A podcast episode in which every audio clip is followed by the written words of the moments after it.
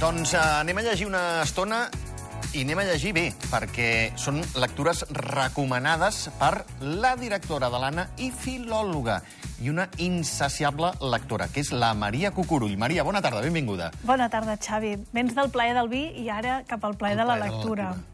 Clar, quanta no gent trobem, diria- No trobem llibres de 15.000 euros, eh? Són, són més econòmics. Els que ens portes, però igual igual Sí. podríem trobar un llibre de 15.000 euros. Eh? Bueno, sí, clar, Escolta'm. si trobem incunables o així, però jo ara Correcte. parlava de coses més... Més- més normals, Més a eh? l'abast de tots, sí.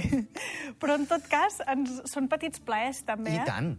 I molta gent segur que els barreja, eh? Mentre llegeix, té una copa de vi al costat. Jo algun cop ho he fet. Ho veus? Sí. Veus? Molt bé, molt ben fet. Uh, espero que un dia uh, assaboregis, si no ho has fet ja, aquest amb el que parlàvem ara amb en Guillem Marquet, aquest de 15.000 eurets. Sí, n- ho veig una mica lluny. Tot arriba a aquesta vida. Tot arriba. Escolta'm, Maria, uh, dues lectures. La primera d'elles porta el títol Les cendres de la piscina. Sí, de la Laura Gost. Sí, senyora. La Laura Gost és una crac. Jo Sí. penso que és una de les escriptores catalanes actuals amb, amb més perspectiva, no? perquè ja ve d'un camí que ha fet, no oblidem que ha guanyat un Goya, fins i tot com a guionista, i, i aquest darrer llibre, que és Les cendres a la piscina, penso que... Bueno, a mi m'ha agradat moltíssim, és una recomanació que penso que, que, o sigui, que la dic amb tota convicció perquè, perquè és un llibre molt bonic. Ja m'havia agradat molt El món es torna senzill, Sí. que de fet aquest el va venir a presentar aquí a Andorra l'any Sí, passat, i la vaig descobrir amb aquest llibre, i ara, doncs, uh, un any després, uh, l'he tornat a agafar i no de cep. És a dir, és, és maquíssim igualment aquest llibre, aquesta història que ens presenta sobre la, la seva Mallorca, Sí. no? Parla de Sa Pobla, el lloc on ella va néixer, i una mica ens vol presentar uh, aquest xoc entre el turisme i la societat tradicional. Val.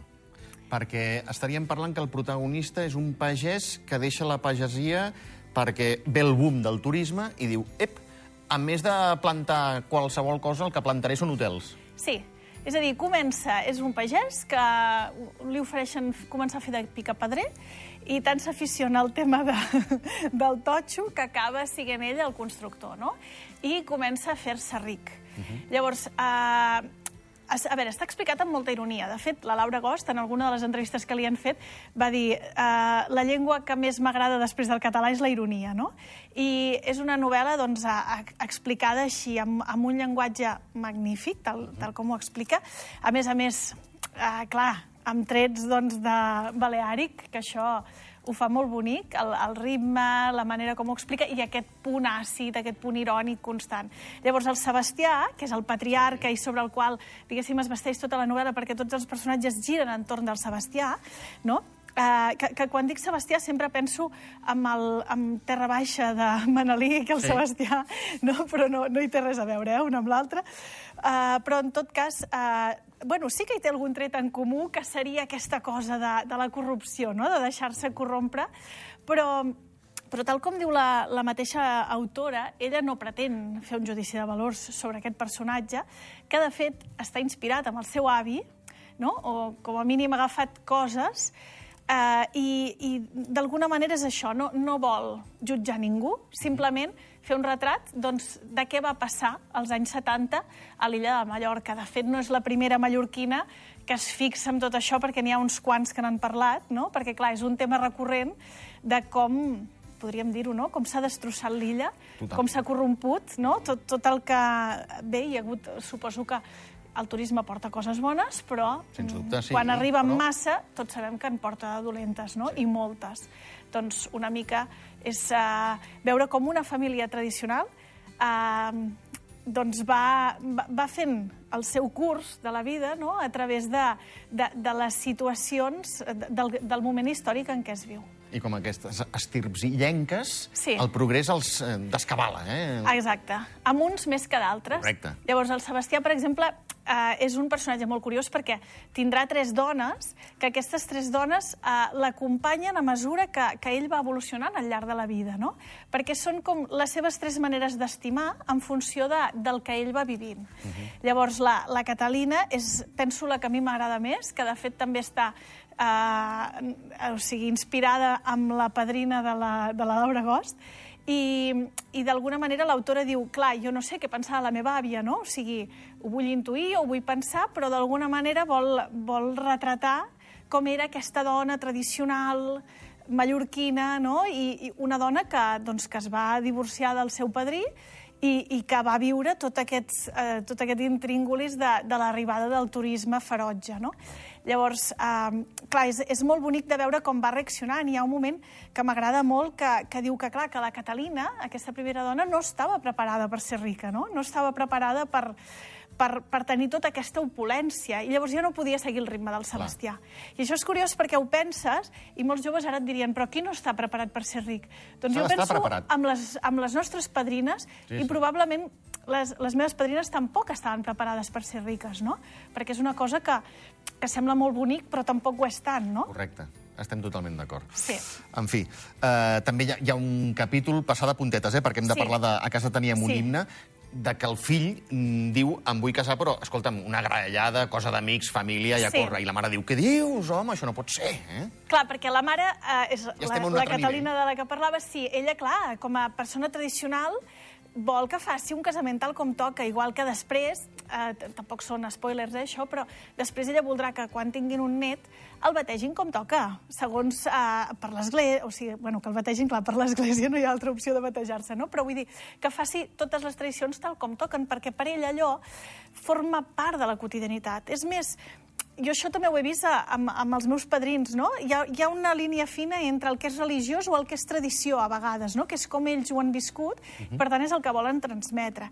I, de fet, la Laura Gos ens, ens vol explicar una mica tot això, és a dir, com era aquesta, aquesta societat tradicional, com va anar creixent, com va anar evolucionant, i, i els personatges, a través els coneixerem molt també a través dels diàlegs, perquè com que ella és guionista, ho notem molt que el ritme avança molt de, de les accions, de tal com parlen, no? Eh, el, el que es van dient, veus com van evolucionant, veus com es comporten, i els coneixes molt a través d'això, més i tot que a través de les narracions. Val. Fins i tot una bona manera de conèixer eh, com, com va esclatar el progrés eh, a, a sí. les illes? Sí. A través d'aquest llibre. I, I com ha sigut aquesta societat ma mallorquina, no? que, que la tenim a tocar.